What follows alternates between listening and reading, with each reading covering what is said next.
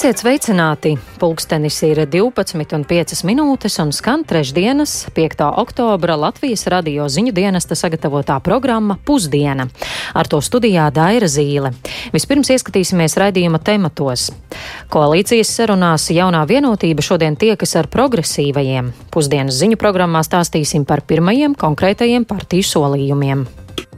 Valdības darbs ir puse no vienādojuma bet arī saimā ir jānodrošina, ka nepieciešamie likumi tiek pieņemti un izstrādāti līdzīgi, kā valdība to ir iecerējusi.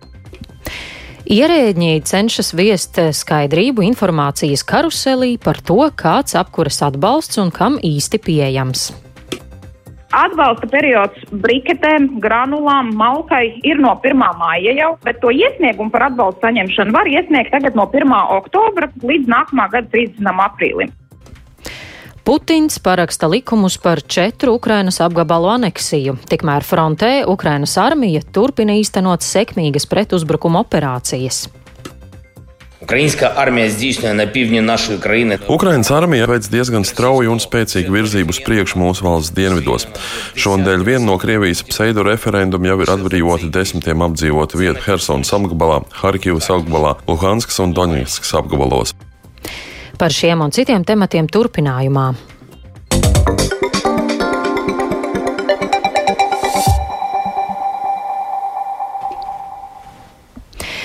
Sarunās par koalīcijas izveidi jaunās vienotības delegāti šodien tiekas ar partijas progresīvie pārstāvjiem. Pret šī politiskā spēka iekļaušanu iespējamajā koalīcijā iebilst apvienotais saraksts un Nacionālā apvienība. Taču jaunā vienotība stabilu darbību valdībā un saimā saskata plašākā koalīcijā. Savukārt par to, kādus uzdevumus partiju pārstāvji vēlas risināt, pastāstīs Jānis Kīncis, kurš ir pievienojies man studijā. Sveiks, Jāni! Sveika, Dēra! Sveicināti! Klausītāji. Kādus uzdevumus partiju pārstāvji gatavojas risināt? Nu, vispirms, visi kā viens runā par iekšējās un ārējās drošības stiprināšanu, Tas arī ietver uh, izdevumu aizsardzībai palielināšanu līdz 2,5% no iekšzemes koprodukta 2025. gadā un pakāpenisku virzību uz to. Savukārt šī ziema sagādās daudz uzdevumu enerģētikas resursu izmaksu pieauguma apstākļos.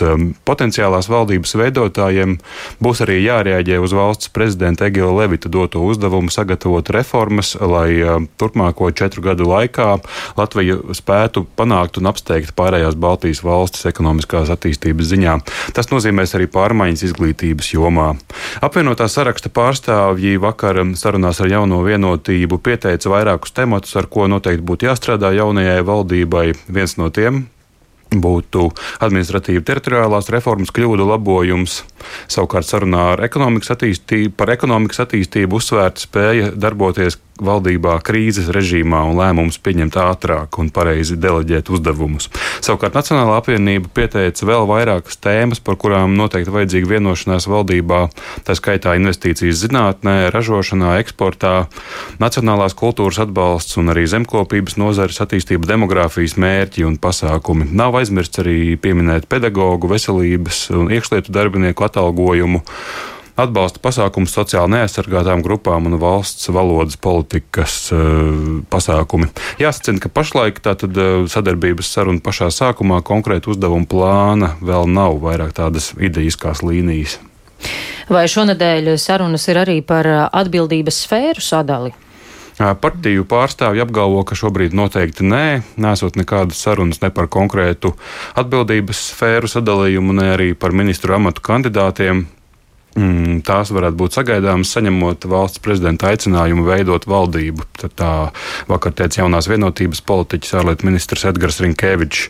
Savukārt Uldis Pielēns no apvienotā saraksta uzsver, ka vairāki risināmie uzdevumi būs pāri vienas ministrijas eh, kompetencijai un atbildībai, proti izmaiņas izglītības jomā būtu skatāms atbilstoši arī valsts ekonomikas interesēm un tam līdzīgi. Tomēr vispirms vēl jātiek skaidrībā, kā, kāds varētu būt koalīcijas sastāvs un jau gana plašs plaši ir stāstīts, ka partiju, sarunā, partiju sarunās par to nav vienprātības, jo jaunā vienotība vēlētos koalīciju paplašināt ar partiju progresīvie, kam ir desmit vietas 14. saimā, kas dotu papildus stabilitāti arī parlamenta darbā. Paklausīsimies, ko par to teica Krišjāns Kariņš. ņemot vērā lielos darbus, arī tā skaitā reformas, kas ir nepieciešamas, valdības darbs ir puse no vienādojuma. Bet arī saimā ir jānodrošina, ka nepieciešamie likumi tiek pieņemti un izstrādāti līdzīgi, kā valdība to ir iecerējusi. Mums ir arī pieredze ilgadīga saimā, un mēs labi zinām, ka, lai nodrošinātu līdzdalību un balsojumus visās komisijās, kur izstrādā likums, ir nepieciešams zināms deputātu skaits, lai koalīcija to varētu sekt pilnu laukumu. Un šis nepieciešamais deputātu skaits no pieredzes un no matemātikas sanāk aptuveni 60. Nu jā, savukārt apvienotā sarakstu un Nacionālās apvienības pārstāvji uzskata, ka šāda koalīcija būtu pārāk liels ideoloģisks mikslis, ko konservatīvo politisko spēku vēlētāji varētu nesaprast. Apvienotā sarakstu līderis Ulris Pielēns šorīt Latvijas radio pauda pārliecību, ka koalīcija trīs politisko spēku sastāvā arī ar 54 balsīm būtu rīcības spējīga, un tajā ietvertas partijas ar ilgstošu pieredzi politikā. Savukārt progresīviem pieredzes saimā nav un sagaidāms, ka drīzumā tomēr jābūt skaidrībai par progresīvo iesaisti koalīcijā vai tomēr atstāšanu ārpus tās. Savukārt valsts prezidents ziņojumu par progresu partiju sarunās gaida nākamās nedēļas sākumā. Paldies! Studijā bija kolēģis Jānis Kīncis. Savukārt runājot par to, ko no nākamās valdības sagaida uzņēmēji, Tirzniecības un Rūpniecības kameras prezidents Aigars Rostovskis Latvijas radio sacīja, ka īstermiņā tas ir viss, kas saistīts ar enerģētiku, bet vidējā termiņā savukārt ar vides konkurētspēju. Tur iet runa gan par nodokļu politiku, gan par tādu birokrātijas samazināšanu, gan par um, izglītības tādu pietuvināšanu biznesam un valsts attīstībai, gan par eksporta stutēšanu, produktivitāti un tā tālāk. Ja, tā kā tur tas jautājumu loks ir pietiekam liels. Mēs ar politiķiem izrunājām, un mēs arī tās tēmas turēsim karstas arī, nu, tikko to valdību sastādīs.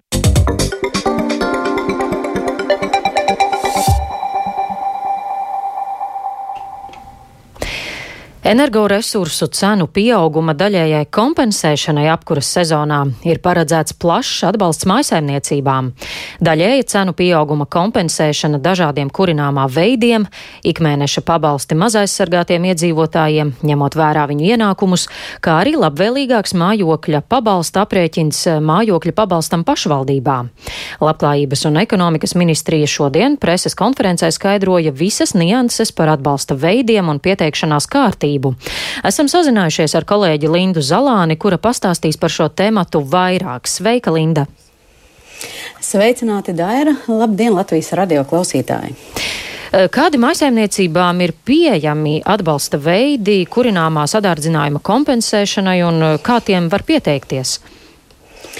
Jā, sākšu ar to, ka var izdalīt būtībā divus atbalsta veidus. Vieni ir tie, kuriem iedzīvotājiem pašiem jāpiesakās pašvaldībā, un ir tādi, kurus valsts kompensē tā teikt automātiski, un atbalsta nauda iedzīvotāju kontā tiks ieskaitīta bez kāda īpaša iesnieguma rakstīšanas. Sākšu ar tiem atbalstiem, kuriem jāpiesakās pašiem, un tas jādara pašvaldībā, kurā iedzīvotājs ir deklarēts.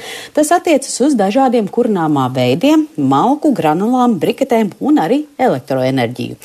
Visi maisaimniecības atbalsti stājas spēkā no 1. oktobra, tātad šīs nedēļas sākuma, izņemot dabas gāzi, kura jau stājas spēkā no 1. jūnija. Arī atbalstam par malku un granulu iegādi var pieteikties no šī brīža, bet izmaksu apliecinošie dokumenti var būt jau no 1. maija. Proti, ja cilvēks ir saulēcīgi jau nu, teikt, gatavojies ziemas sezonai un iegādājies malku, granulas vai briketes jau no 1. maija, tad e, no 1. oktobra var iesniegt šos izmaksu izmaksu apliecinošos dokumentus un savā pašvaldībā saņems atbalstu. Vēl papildus nianse ir attiecībā e, par malku. Ja saglabāts maksājuma apliecinošs dokuments, jeb čeks, tad šādus iesniegumus par malku varēs iesniegt līdz pat 30. novembrim. Tātad, ja nav čeka, tad jāpiesakās vienreizējam 60 eiro atbalstam līdz 30. novembrim. Bet, ja ir čeks par malkas iegādi, tad visus maksājuma apliecinošus dokumentus var iesniegt līdz nākamā gada 30 aprīlim. Savukārt, ja apkurei izmanto elektroenerģiju, tad arī darbojas šis pats princips. Atbalstam jāpiesakās savā pašvaldībā, iesniedzot elektroenerģijas rēķinu, kurā patēriņam mēnesī ir jābūt vairāk nekā 500 kWh. Tas ir slieksnis, kas norāda, ka mājsaimniecība izmanto elektroenerģiju apkurei.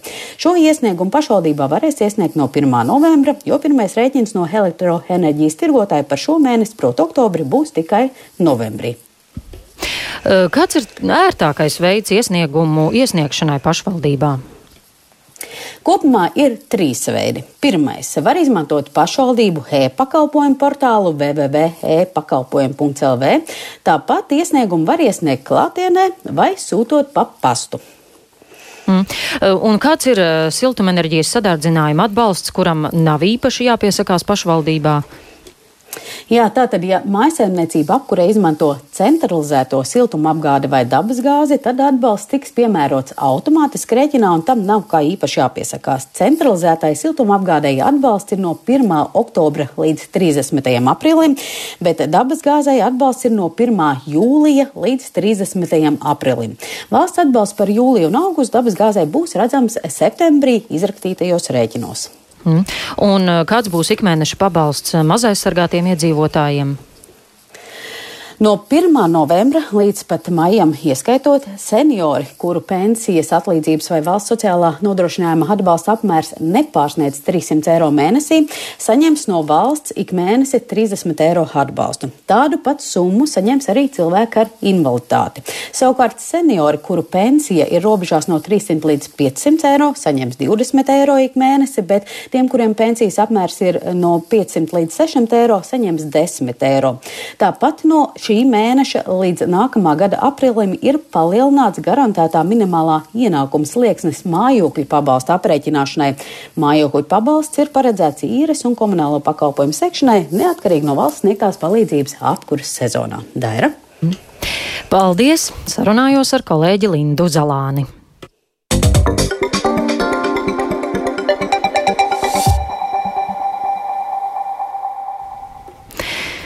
Šodien politiķu dienas kārtībā ir jautājums par divpusējām attiecībām ar Krievijas federāciju.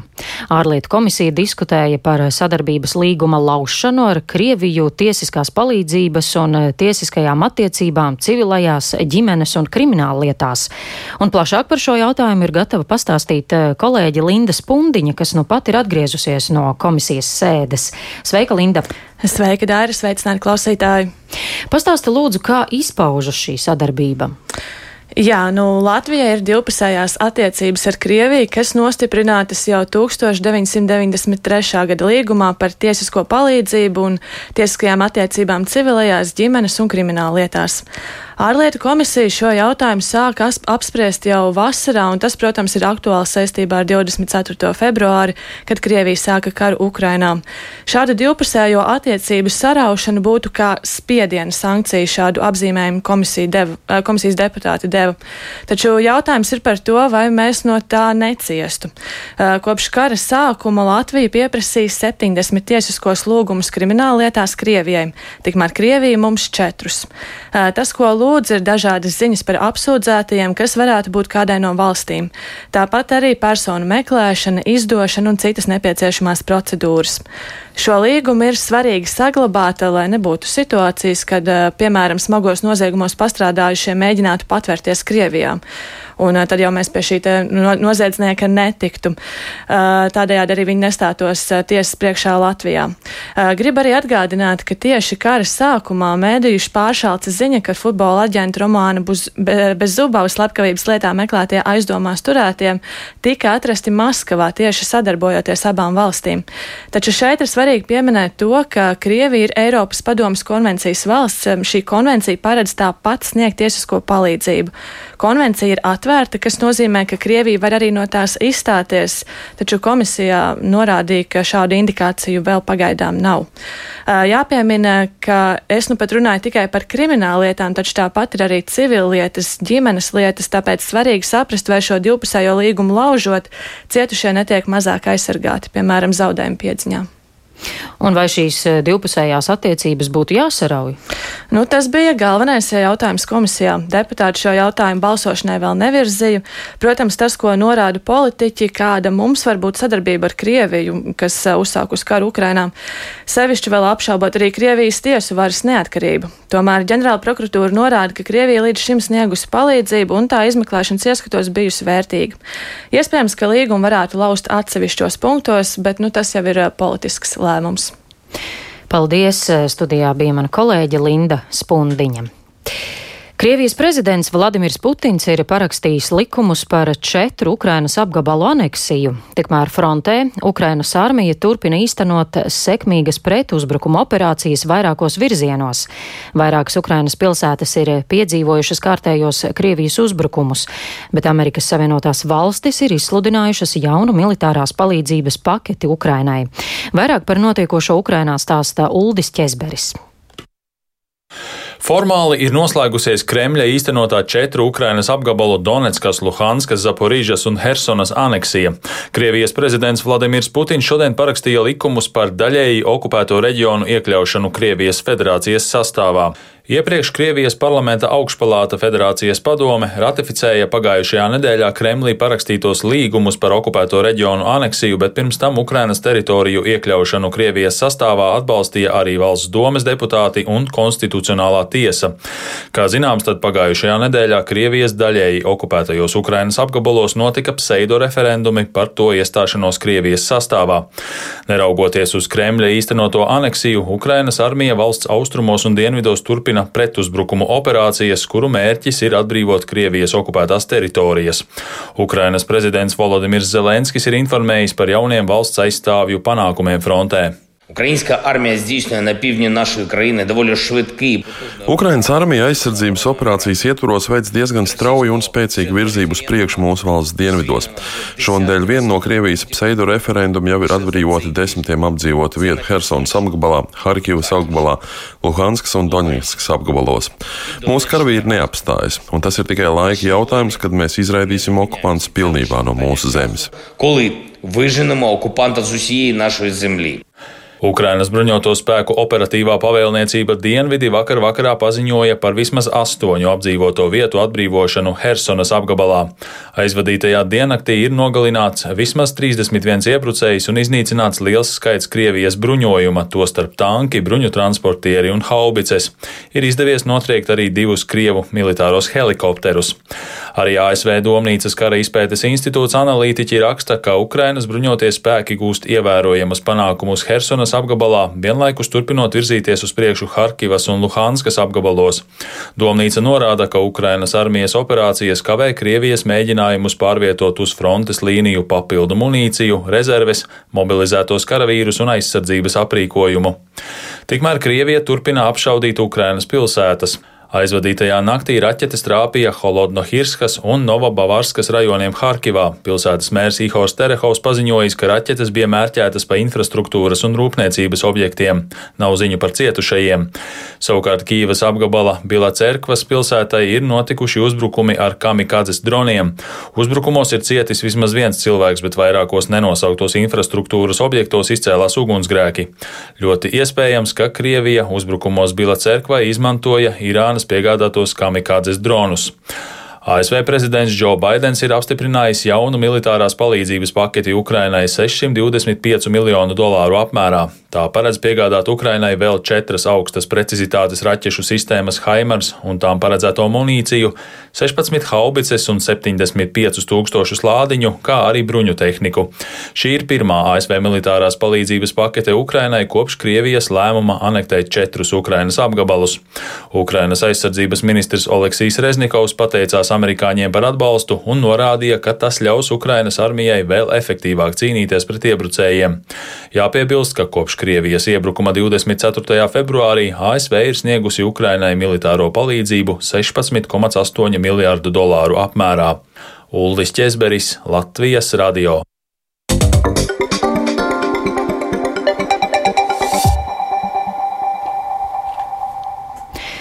Ik gadu Daugavpils skolās, pakāpeniski palielinot latviešu valodā apgūstamo priekšmetu skaitu, trūkst skolotāju, kuri varētu mācīt valsts valodā.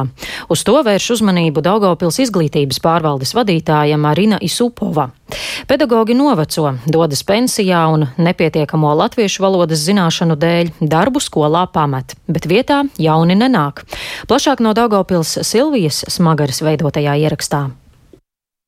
Dāngāpos draudzēga aicinājumu vidusskolā jau ar šo mācību gadu nācās šķirties no vairākiem saviem pedagogiem, kuriem sarunāties bez kompleksiem latviešu valodām bija sarežģīti.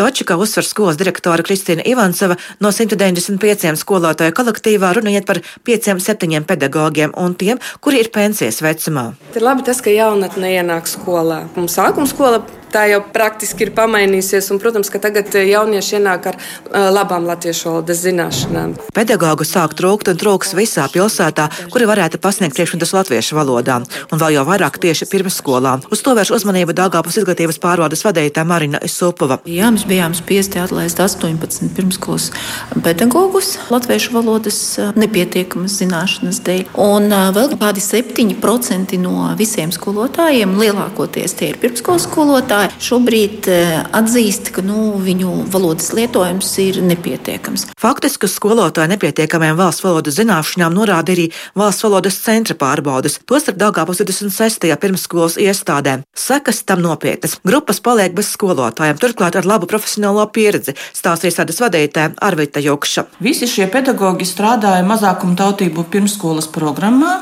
ar krievu mācību valodu, ar bērniem no 1 līdz 4 gadu vecumam. Daudzi no viņiem ir ar 20 līdz 30 gadu stāžu. Tas ir četras grupas palika bez skolotāja. Un šobrīd ir ļoti grūti aizpildīt vakances. Ir nepieciešama valstiska rīcība, lai izglītības kvalitāte nezaudētu un būtu skolotāji, kas māca. Tā uzsver Dāngāpos domas priekšsēdētāja pirmais vietnieks no Latvijas Krievu Savienības Aleksējs Vasiljevs un izglītības pārvaldes vadītāja Marinai Supava. Mums nepietiek nu, nu, Latvijas vides Daugupili, tas ir pirmais. Un nepietiek cilvēkus, kuriem gribētos mācīties uz skolotāju, un tieši par latviešu valodas skolotāju. Un bez valsts atbalsta atbalsta mums neiznāks. Mums kā gaisa būtu vajadzīgi jauni skolotāji, kuriem vispār šī um, problēma nebūtu kā problēma, vispār nebūtu dienas kārtībā. Nākamgad mums uh, situācija sāsināsies un būs sliktāk un sliktāk. Un, ja, ja ienāks jauni skolotāji pēc trīs gadiem, pēc četriem gadiem, nu, tas būs izcili. Un tas ir jautājums, kuram nopietni būtu jāpievēršas jau jauniem izglītības ministram Silvijas Magra Latvijas radio studijā Latgalē. Latviešu valodas zināšanu problēmas ir arī pedagogiem mazākumtautību skolās galvaspilsētā, kur pārēja uz mācībām pilnībā valsts valodā būs liels izaicinājums. Tā norāda Rīgas domas izglītības, kultūras un sporta komitejas vadītāja Iveta Ratinīka no Latvijas attīstībai, atzīstot, ka galvaspilsētā jo īpaši trūkst latviešu valodas skolotāju.